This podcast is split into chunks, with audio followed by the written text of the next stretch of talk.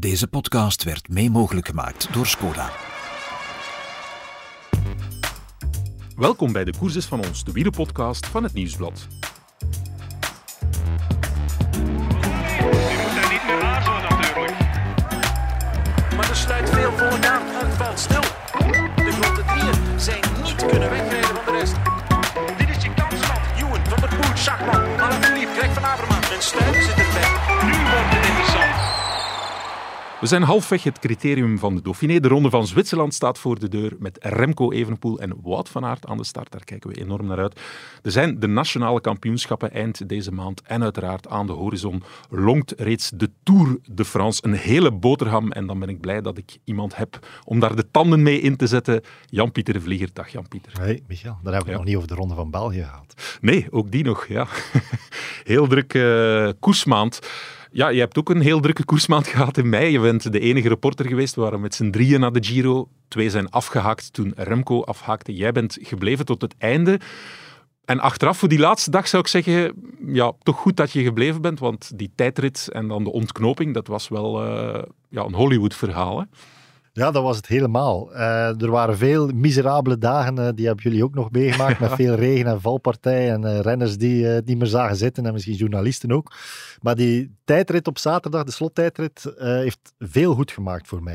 Het was echt een, een fijne dag en je had inderdaad een soort onwaarschijnlijk verhaal, waarbij dan, dan een, een ex-schanspringer vlak bij de, de Sloveense grens, met tussen al zijn supporters, er was er een zee van Sloveense vlaggen, die dan een hooi deed naar de eindwinst in de Giro. En dan ging zijn ketting eraf en dan eh, dook er iemand op, eh, een eh, held uit het publiek, die dan bleek een oud ploegmaat te Ja, zijn uit het Die hem, die hem duwde, Die hem ja, en dat bleek dan een oud ploegmaat te zijn. Ja, er zat, er zat eh, van alles in eh, op dat moment. En er was ook nog een fantastisch mooie locatie, Monte Lussari. Echt, Ja. eh, Je zou bijna denken dat het in scène gezet is. Dat, er, dat ze op voorhand samengezeten hebben van dit was Ja, eh, een Giro met weinig pit. Hoe gaan we dit aanpakken? Om, en, en als die, die ex-schanspringer daar op die plek staat, je zou het bijna denken. Hè? Het is en dan uiteraard zouden niet zo. Mensen zeiden, nee, nee, dat is erover. Maar Ja. eh, nee, het is toch gebeurd allemaal. Zeg, en Jaron Thomas, die was zo... Ja, want het was toch wel een klap dat hij in die laatste tijdrit dan de roze trui verloor en de Giro verloor. Ehm, maar die ging daar toch vrij flegmatiek mee om. Was dat gespeeld of was dat echt zo? Of... Nee, maar hij bleef in karakter, want dat is een beetje zijn stijl, zo onderkoeld eh, Ja. en, en alles met een, een beetje overschouwend of beschouwend eh, bekijken. En chapeau, want ehm, hij eh, bleef heel, heel waardig. Feliciteerde ook meteen eh, zijn eh Roglic dan met de overwinning. Maar die twee kennen elkaar goed. Die eh, Mhm. fietsen samen in eh, Monaco. Eh, blijkbaar eh, komen de vrouwen goed overeen, de kinderen Ah ja, goed overeen. Goed. Dus ik denk niet dat op dat gebied eh, dat er daar enige persoonlijke animositeit was tussen hen. eh. Ja, ze zullen nog altijd samen op vakantie en in Monaco koffietjes kunnen gaan drinken. Ja. Natuurlijk speelde ook mee voor eh, Thomas. Tweede plaats was meer dan verhoopt vooraf. Ja, Uiteraard, als je het verliest op de voorlaatste dag, het een beetje anders. Maar vooraf had hij daar zeker voor getekend. Ja, en op zijn kousenvoeten, Roglic, we, we noemen hem altijd een beetje de man van de, de Vuelta, hè, die, die iedere keer die de Tour reed als voorbereiding op de Vuelta, werd er soms malend eh, gezegd. Maar intussen zijn palmares, ja, hij heeft twee van de drie grote rondes gewonnen en dat, dat was een beetje, eh, of dat werd geopperd toen, hij, toen er mogelijk nog sprake was dat hij zou deelnemen aan deze ronde van Zwitserland, dat dat nog de enige eh, rittenkoers van één week was van alle grote rittenkoersen die hij nog niet gewonnen had. Dus ja, enkel de Tour en de Ronde van Zwitserland nog. En hij heeft in het rondewerk alles gewonnen wat er eh, te winnen valt. Straf? Dat is een bijzonder straf. Ja, we, we hebben het al gezegd. Heel dat verhaal is, is zo onwaarschijnlijk. Eh, iemand die dan zo laat in de sport komt. Ja. Die dan eh, bij, bij Jumbo-Visma weten, spreken ze nog altijd in, in een soort mythologische termen over, ze, over de eerste keer dat hij kwam testen. En dan eh, kwam hij van een Grieks eh, strand of zo. Was hij helemaal gebruind en had hij zich iets te veel te goed gedaan aan de Griekse buffet. En stond hij een beetje te zwaar en zo. Maar in die eerste test op een, op een eh, fietsergometer blies hij dan toch al iedereen weg. Op het eerste trainingskamp was hij eh, fantastisch. Ja, het is een, het is een onwaarschijnlijk eh, verhaal. Onwaarschijnlijk verhaal. En je hebt, je, ja, je hebt weinig congé gehad eigenlijk na de Giro. Viel mij op in de krant. Je hebt je ook over een onwaarschijnlijk verhaal gebogen al. Ehm, we gaan het kort vertellen, maar ik vind het toch wel relevant om te vertellen. En ja, het gaat jammer genoeg over doping, maar het is wel een, een, ten eerste een onwaarschijnlijk verhaal en misschien wel ook een, een veelbetekenend verhaal dat mogelijkerwijs wel veel in, in gang zou kunnen eh, zetten. Eh, het is de Curious Case of Shari Bossut. Ja, en Shari Bossuit en Toon Aerts. Om En Toonaerts, ja. bij het begin te beginnen. Dus dat zijn twee Belgische wielrenners die allebei betrapt zijn op hetzelfde product. Kort nadat ze op dezelfde plaats waren. Dus de, hoe, de hoe dan het eh, zet zich zo in gang. Ja, ja, ja. Allebei hebben ze gekoerst in eh, Noord-Frankrijk, in Mhm. eh, het plaatsje Flamanville, bekend voor zijn kerncentrales, maar dus nu ook voor, eh, in het peloton als een zeer... Allen daarheen. Als een, nee, te mijden plaats Ja. ondertussen. Ehm, dus dat is een grote toevalligheid, hetzelfde product, dezelfde plaats. De, En hoe zou dat gelinkt kunnen zijn? Wel, probeer hun- het mysterie al enigszins op te klaren, Jan-Pieter. De hypothese van zowel Bossuit als Aarts, want die dossiers zitten nu samen, ze hebben hetzelfde Mhm. management, waardoor dat ze eh, hun eh, ja, verdediging samen voeren. Zij denken dat er in Noord-Frankrijk, of misschien ook elders, een probleem is van letrozole, het product waarop dat ze allebei positief eh, getest hebben, dat dat gebruikt wordt in de veeteelt. En waarom zou dat in de veeteelt gebruikt Ja, worden? daar is online best wel veel over, eh, over te vinden. Veel wetenschappelijke publicaties die zeggen dat het gebruikt wordt, ingebracht wordt bij eh, koeien om de ijsprong te synchroniseren van, de hele vee, eh, van het hele Ja. veebestand. Wat dan veel voordelen heeft voor, eh, voor het veebedrijf als dat op hetzelfde moment gebeurt. Maar het FAVV, het Federale Agentschap voor de Voedselveiligheid, die zeggen dat dat niet gebruikt wordt in de veeteelt. Ja. Waarop het kamp Bosuit Aard zegt, ja maar ja, zij denken dat het niet gebruikt wordt omdat ze niet op testen. Ja. En ze testen er niet op omdat het geen gevaar inhoudt voor de volksgezondheid. Ja. Dan zegt de FAVV weer, nee, wij hebben geen enkele aanwijzing dat Ja. het gebruikt wordt. Dus eigenlijk de, de schuld wordt verlegd van de renners naar de, de veetelers, dat die Ja, een product inderdaad. zouden gebruiken. Dat, eh, En waar dat er al een soort ongenoegen over bestaat in Noord-Frankrijk, want dat, dat is een, ja, een beschuldiging dat er daar Ja. eh, illegale praktijken eh, zouden ge- Oef. Dus ze spreken dat ook wel voorzichtig uit. Je kan het ook helemaal anders benaderen en vertrekken vanuit de toevalligheid dat het twee Belgische renners overkomt. Als er dan een, toch een onderliggend probleem is, effectief van contaminatie via voeding. Hoe kan het dan dat dat net twee Belgen overkomt die ook nog hetzelfde management hebben? als dat Wit- Wit-Russen zijn, dan, dan zeggen wij, ja, dan kijken, we niet wij- verder. Het dan zal wel die wij- steek. ja, Ja. voilà. Dat, zonder twijfel is dat dan onze insteek. Ja. Nu gaan we daar natuurlijk dieper op in. Komen die verhalen meer in detail tot bij ons. En dan hoor je dat eh Aert en Bossuit elkaar eigenlijk niet goed kennen. Mhm. Enkel uit de media, zei uh, Toon Aerts. Dat ze niet dezelfde dokter hebben, niet in dezelfde regio wonen, Ja. niet dezelfde entourage hebben met verzorgers. Dus dat, dat er daar een soort eh, product zou circuleren, eh, lijkt onwaarschijnlijk.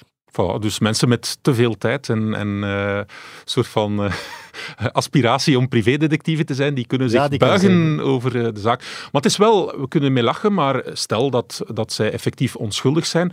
Als je naar het geval Toon Aarts kijkt, eh, ja, die, is nu, die, die staat al een hele tijd aan de kant. Die heeft eh, zijn, proberen zijn onschuld te bewijzen. Ik neem aan dat daar veel geld in gekropen is. Dat was eerst de hypothese van een vervuild voedingssupplement. Ze hebben dat in verschillende labo's allemaal laten onderzoeken.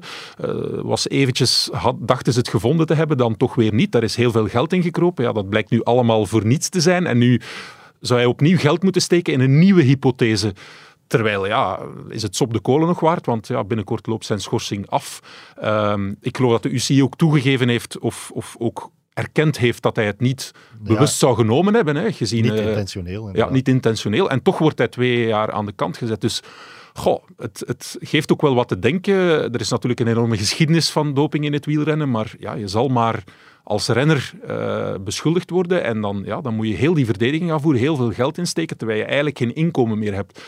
Zou bijna pleiten, ik weet dat misschien heel cynisch kan klinken, voor een soort van ja, steunfonds om, om, ja, nee, maar om, om, om renners daar toch ergens in te steunen, om, om hun rechten te laten gelden. Ja, ik, denk vals positieve bestaan in eh, de jacht op doping, dat is zonder twijfel zo. En als het u overkomt, wat mogelijk het geval is voor Bossuit en Aarts, denk ik dat je heel, heel eenzaam bent en alleen op de wereld staat. Ploegen trekken de Ja. handen van u af, van eh, sponsors trekken de handen Ja. van u af. Journalisten.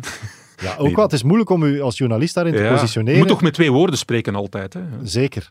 Maar zoals dat je zelf zegt, de, het feit dat die bewijslast volledig bij u ligt, dat dat zoveel geld kost allemaal. Als het u overkomt, denk ik wel dat je door een heel, heel, heel zware periode gaat. Maar natuurlijk, je moet de kanttekening maken. De geschiedenis van de sport leert dat er gesjoemeld wordt. En je kan, het is onmogelijk om de jacht op doping te organiseren en de, de bewijslast volledig bij de jagers te leggen. Eh, Dus ergens snap je waarom, waar het allemaal vandaan komt. Maar als het u overkomt, denk je dat het een verschrikking is. Ja. En dan, het is een beetje cynisch, maar wel begrijpelijk. Ze hopen stilletjes, het, het kamp eh, Bossuit-Aard, ze hopen nu stilletjes dat er nog gevallen zouden zijn, want dat zou hun zaak sterker maken. Van zie je wel, het ligt aan Ja, de dat of de melk. Of, eh, Ze hopen dat niet stilletjes, ze spreken dat uit. Ze hopen dat er, dat er andere atleten daar ook op betrapt worden. Ze hopen op een clenbuterol scenario. Clenbuterol is een, eh, een middel tegen astma dat vaak misbruikt werd, omdat het ook eh, spieropbouwend zou, zou werken. En dat had, net als letrozol, bestond daar geen ondergrens voor. En er waren daar best wel veel atleten op eh, betrapt, onder andere Contador met 000. Tot er ooit een eh, voetbaltoernooi was, een U17-toernooi in Mexico, waar plots 100 jongens positief testen op eh clenbuterol, wat dan voor WADA een eh, precedent geweest is om te erkennen, oei, contaminatie in voeding van, bij clenbuterol is duidelijk wel een ding dat bestaat. En dan is er een ondergrens ingevoerd om de licht positieven niet meer te laten, eh, om dat inderdaad als, niet als dopingovertreding meer eh, te beschouwen. Ja. En zij hopen dat voor letrozol eenzelfde scenario zich voltrekt, maar in de wetenschap dat het zowel voor Bosuit als arts te laat zal komen. Ja. Het is erg om te zeggen, maar het is een beetje een spannende zaak om te volgen. Maar het is wel zo en wordt ongetwijfeld vervolgd. Wij gaan ook naar het sportieve kijken, uiteraard, in deze podcast weer. Eh, Ronde van Zwitserland eh, wordt heel fijn. Start nu zondag. Wordt heel fijn voor ons Belgen, omdat naast Wout van Aert, alsof dat nog niet genoeg was, ook Remco Evenepoel zal starten. Die zullen elkaar daar in twee tijdritten tegenkomen. En eh, ja, Remco, dat is natuurlijk, daar hebben we allemaal enorm naar uitgekeken. Na de Giro start hij hier nu. Ja, dan denk je, hij start. We gaan weer van alles van hem zien. Maar bij, in de ploeg proberen ze dat zo wat te downplayen. Hè. Dat, is toch, dat, dat zal een spel worden hè. Van, van, van media, van publiek, van Twitter tegen de ploeg, tegen Remco zelf. Ja, in de ploeg willen ze het graag een beetje low-key eh, houden, de, de Ronde van Zwitserland voor Evenepoel. Maar ja, dat- en Evenepoel. Evenepoel, dat, dat, gaat niet, dat gaat niet samen. Maar je begrijpt van waar het komt. Hij komt uit een Giro waar dat hij ja, elke dag, niet een uur, maar toch twintig minuten met de pers heeft moeten praten, waar er vooraf zoveel hype eh, was. Snap wel dat, dat, dat hij graag eens een koers wil rijden, voor de lol bijna. Maar Hm. ja, dat kan niet. Nee, want start met een tijdrit en ja, in principe zal hij het daar zeker en vast goed doen. En dan, ja, dan wordt er gekeken, want als je...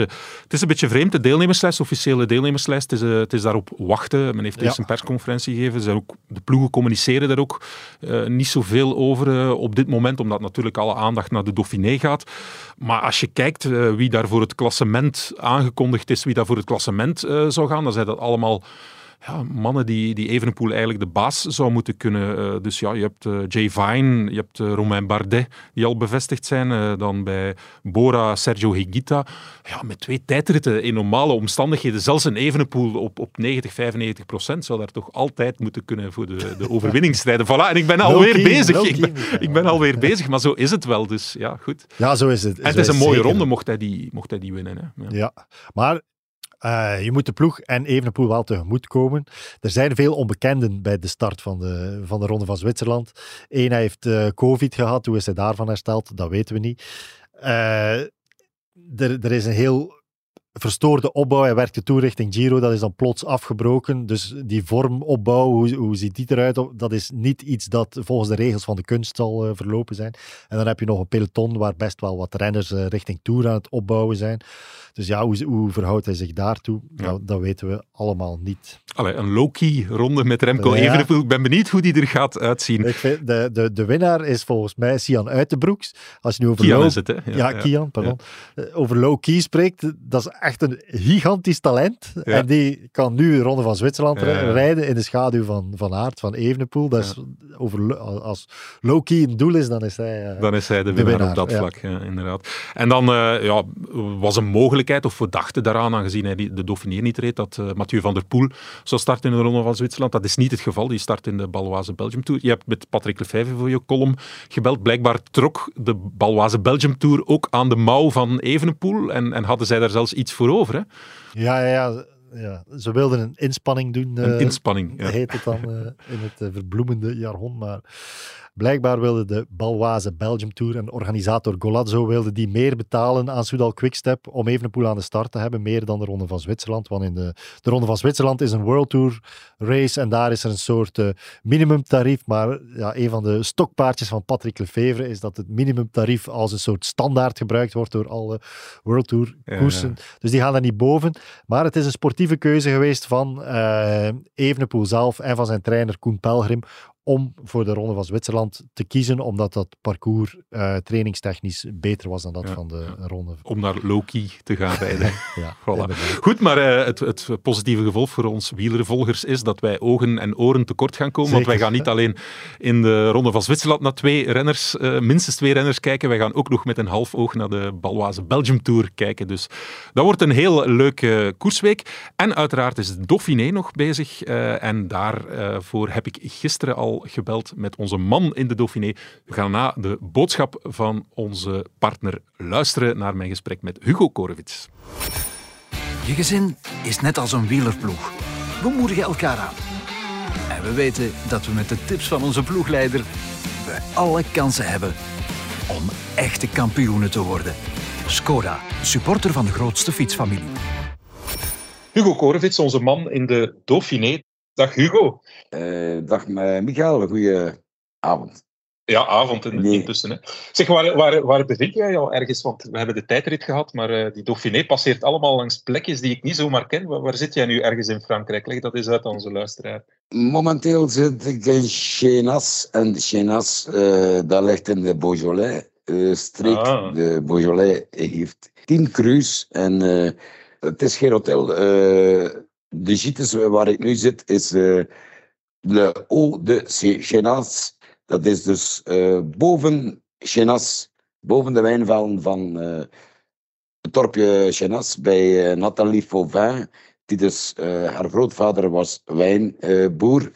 en hier onderaan, waar ik slaap, bevindt zich een museum van allerlei materiaalstukken uit de loop van de laatste honderd jaar in de wijnbouw van de Beaujolais. En Nathalie Fauvin, waar ik niet voor het eerst kom, eh, kom die eh, maakt ook zelf eh, le vin au féminin. Hugo, jij kent Frankrijk als jouw broekzak en ook de Franse coureurs. Niet in het minst Julien Alaphilippe. En die heeft eindelijk nog eens een rit gewonnen. Ja, is dat dan vooral een deugdoende of een hoopgevende ritzege? Deugdoend waarschijnlijk, omdat het inderdaad na heel veel miserie is. Maar ik vraag me af, is het ook hoopgevend richting Tour de France? Mogen we daar enige positieve conclusie uit trekken voor eh, Julien? Ja, Michael, het is wel zijn tweede overwinning van het jaar. Maar het is zijn eerste overwinning in de Klopt. World Tour in 14 maanden tijd. En dat was dag op dag. eh 14 maanden toen hij in de rit won in de Ronde van het Baskeland. Hij heeft ook de eendagskoers van Ardèche Classic gewonnen. Maar ja, om op je vraag terug te keren, als dat nu een deugdende of eh, hoopgevende zege is, het is vooral een hoopgevende zege. Primo, eh, omdat, we omdat we op dit moment een frisse Julia Alaphilippe zien, die fysiek eh, weer over zijn mogelijkheden beschikt, die hij de afgelopen 14 maanden door corona, door een fantastisch eh, zware, fenomenale val in de Luik na Luik, dan een eh, uitschuiver in de Vuelta eigenlijk, eh, dan in de Ronde van Vlaanderen ook nog op zijn knie valt. Dus de voorbije 14 maanden was er altijd wel iets aan de hand. En ik heb hem zaterdag eh, voor het eerst teruggezien en het was eindelijk weer de Alaphilippe die eh, deed denken aan de Alaphilippe qua gezegd van het WK Leuven of Imola. Want de Tour inderdaad begint in het badklap met een parcours waarvan we zouden zeggen van ja, een goede Alaphilippe kan daar iets doen. Maar jij gelooft dat er, als alles goed gaat, dat er wel een goede Alaphilippe aan de start kan staan in deze Tour. Op basis van wat jij in de Dauphiné Ja. voorlopig ziet. Hij zegt zelf, Dauphiné, Frans kampioenschap op de Kasselberg, in het grenspla- grensstadje Kassel, de Tour de France en het WK. Dat blok is eigenlijk het blok waarin hij moet bewijzen dat hij de oude Alaphilippe is. En je, je ziet dat het gewoon een jongen is die opnieuw hoesting heeft voor te koersen. En die ook opnieuw eh, geniet van de aandacht van de Fransen. Maar die aandacht is in een paar dagen weer best groot. Het blijft zijn populairste ren- renner. En eh, zelfs in de periode nu met Ja, met al die COVID-gevallen in de Giro wou eh, ASO, eh, de organisator van de Tour, niet hetzelfde, of niet hebben dat ze hetzelfde overkwamen. Dus hebben ze gevraagd van, dat de renners van en naar het podium opnieuw een masker dragen. De crew aan de aankomst een masker draagt, de journalist een masker draagt.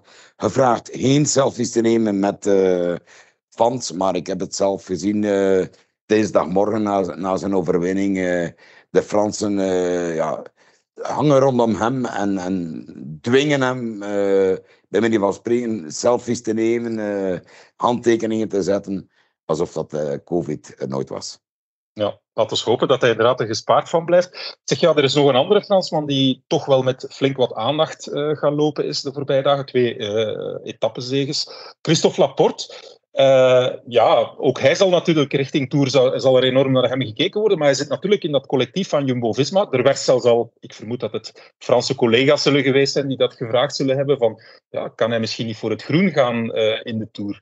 Ja, gaan de Fransen zich kunnen, kunnen inhouden wat Laporte betreft? Want hij moet natuurlijk wel voor dat geogere doel eh, zorgen, namelijk het geel voor Vingegaard. Of denk je dat hij, ja, dat hij, dat hij zelf ook vooruitgestuurd gaat worden naar uh, ritzeges, naar groene trui, wie weet? Ja. Nee, nee, maar hij zal dus de Fransen zo'n effectieve druk op hem uitoefenen. Ja. Dat te lang geleden is. Het is van Jean Labert van 95 geleden. En uiteindelijk met Laporte, Alaphilippe en Godu hebben we de drie Fransen genoemd, bij manier van spreken. Eh, Bardet en Barguil en Martin zijn van een ander niveau. Eh Thibaut Pinot, afscheid nemende Pinot, zal ook veel aandacht krijgen. Eh, maar Laporte, die, die heeft bewust die stap gezet naar Jumbo. En dat is echt een ploegspeler. Die is aangeworven als lead-out van Wout van Aert. Heeft ondertussen bewezen dat hij klassiekers kan winnen. Heeft de klassieker cadeau gekregen in Gent-Wevelgem. Maakt zelf door Vlaanderen eh, waren af. En wat zie? Van Aert is niet. Van Aert die eigenlijk ontpopt is tot de renner die hij eh, geworden is in de Dauphiné. Hij is er niet. En eh, Laporte neemt gewoon vlotjes de rol over van Van Aert. Ik heb hem letterlijk gevraagd van... Christophe Wout heeft op de persconferentie in de voorbije winter bij de voorstelling van Jumbo gezegd dat hij niet gaat voor het groen. Eh, ga jij dan voor het groen? En hij zei heel eh, direct: eh, Sorry, maar we hebben er nog niet over gepra- gepraat. Ik weet niet wat dat Wout gaat doen, maar als Wout zegt dat hij dat, Laporte mag sprinten, dan zal hij dat doen. Maar hij zei ook: Neem de aankomst van maandag geweest in La de Dieu. Een aankomst bergop. Hij zegt, daar is Wout altijd de favoriet. En als Wout eh, beslist, vandaag ga ik voor de rit, dan zal Laporte gewoon in dat collectief spelen. En dat collectief, dat gaat in de eerste plaats om de back-to-back zege van eh, Jonas Vingegaard. Ik kan dat niet juist genoeg uitspreken, zoals jij. Ja, wie Eh, wel? Ja, ik ja. doe mijn best, maar het is moeilijk. Dat is dus eigenlijk het doel van die ploeg. En Ja, ja. etappenwisten, et cetera, groen en zo komt erbij. Hè. Maar Ja, alles gaat... Dus maar eh, het, het is niet dat, dat, dat Wout en, en eh, Laporte op een bepaald moment elkaar voor de voeten of voor de wielen zouden gaan rijden. Of dat er ja, dat ze, dat ze beetje nee, want- nee, eh. Laporte heeft geweldig respect voor Wout. Is één. Wout is eigenlijk de man die hem naar de ploeg gehaald heeft. Nee, ik geloof dat nooit. Eh Nee. maar Laporte weet ook wel dat Jumbo is de ploeg die hem eigenlijk laten ontbolsteren heeft. Eh, Laporte is een jongen waarvan ik nu in het peloton hoor dat sommige jongens, collega's, al vier jaar geleden voorspelden van die kerel gaat naar klassiekers winnen, die kerel heeft nog niks laten zien. Ik denk dat dat de reden is eh, van Laporte waarom dat hij altijd maar beter wordt. Hij is beter dan twaalf maanden eh, geleden in de Dauphiné. Waarom? Omdat hij van een nonchalante Zuid-Fransman, die we niet wel spreken, niet wist eh welke uur hij zou vliegen, gekomen is tot een man die, zeer punctueel, à la Jimbo Visma, zijn vak beleeft momenteel. De man die natuurlijk super eh, punctueel zijn vak beleeft bij Jumbo-Visma is Jonas Vingegaard. Dus ja, in de Dauphiné. Jij zit in de Dauphiné, straks begint de Ronde van Zwitserland. Maar de echte grote klassementsmannen, onder andere eh, ex-toerwinnaar of de, de uitredend toerwinnaar, de titelverdediger Vingegaard, rijdt daar rond. Uiteraard, op het moment dat wij nu spreken, moet het, het echte werk nog beginnen, zeg maar. Maar we hebben wel al een tijdrit gehad. Wat is voorlopig jouw indruk van, van vooral Vingegaard, van Jumbo-Visma en, en misschien de concurrentie? Hebben we daar al, kan je daar al iets zinnigs over zeggen? Maakt hij een goede indruk? Ja, hij maakt een goede indruk. De eerste twee dagen heeft hij gewoon op beweging eh, de poisson pilote, zoals ze dat zo mooi op zijn Frans zeggen. Lead out, schitterend eh, zoals ze in het Engels zeggen, een locomotief, zoals wij Vlamingen zeggen. Gespeeld voor Laporte. hij zit hier natuurlijk zonder eh, zijn goede vriend Tadej Pogacar. Eh, maar op dit moment, na de tijdrit, ja, hij, is- hij, hij ligt 35 seconden voor op de, of een kleine half minuut voor op Ben O'Connor. En al de rest volgt wel verder. Nee, die Ja. begint gewoon. eh, die komt op zijn terrein eh, met een voorsprong. En vindt bijvoorbeeld zaterdag eh, op La Croix de Fer zijn speeltuin. gaan daar boven de 2000. Eh, anderzijds eh, moet je zeggen van ja, Jumbo Visma heeft, dus toch wel Kruiswijk kwijtgespeeld. Gevallen. Op een, rechte weg, op een rechte weg, na 10 kilometer, geen enkel obstakel en echt een zware val- valpartij met drie zware slachtoffers die allemaal breuken hadden. Ik heb dokter Filiatsen gesproken, die was als eerste erbij en die zei ongelooflijke crash, niet zomaar een crash, dus ongelooflijke crash. Ik zei, allee, dus direct zware gevolgen. Vandaag ook weer eh, een tijdrit, Geoffrey eh, Bouchard, klimmer van eh Ben O'Connor. Ja, die valt en eh, ook Ja. de Tour zo goed als voorbij. ja. Dat is ook het gevaar van de Dauphiné. Hè. Dus eh, de voorbereiding kan in 1, 2, 3 om zeep zijn ook. Hè. Mensen zeggen dan, ja, Steven Kruiswijk oud, Wilco Kelder- Kelderman in. Hè. Kelderman die niet aan de Giro kon deelnemen. Oh ja, dat is geen verzwakking. Hoe zie jij dat? Is, is, is dat Ja, eh, luister, ze werken met de groep naar de Tour toe, zoals ze met de groep naar de Giro toe gewerkt hebben. Ze hebben die groep in de Giro enorm bij moeten veranderen. Eh, dat is nog gelukt met Roglic, maar ik denk niet dat eh, Zeeman, de tandem Zeeman pluggen of trio Heiboer eh, zomaar de Tourploeg kan veranderen. Het is best dat het zo goed mogelijk samen blijft nu. Dat er Ja. niks meer gebeurt. ja. Dus het, is toch, het had toch beter geweest, plan A met Kruiswijk dan Kelderman. Ja, dan heb je al een klimmer bij. Hè. Nu, nu, nu zal dat natuurlijk wel waarschijnlijk Kelderman worden. Maar op Kruiswijk kunnen ze niet meer rekenen voor x aantal tijd. En dat is toch echt wel een domper, eh, hoe dan ook. Goed Hugo, eh, wij gaan het met jou volgen, want inderdaad, er gaat nog heel wat gebeuren in de Dauphiné. Maar in elk geval bedankt om ons eh, bij te praten. En ik hoop dat het ontbijt meevalt morgen hè, daar in de, in de Beaujolais. Oui, mais Voilà. le, le petit, le petit déj en France, c'est du pain, un croissant, euh, un peu jus de fruits, un, un café allongé. Ja. Is het toe, hè. Maar, maar jij bent geen ochtendmens, dus ik denk dat die koffie al meer dan genoeg is voor jou. Als hij straf genoeg is, ja. Dat wel. Dank u wel. Dank u, Michael. Ziezo, dat was de koers is van ons voor deze week. Het wordt een heel interessante wielerweek. Geniet ervan en wij zijn er volgende week weer. Tot dan, tot de koers is van ons. Nu moet hij niet meer aarzelen natuurlijk. Maar er sluit veel voor valt stil. De grote drieën zijn niet kunnen.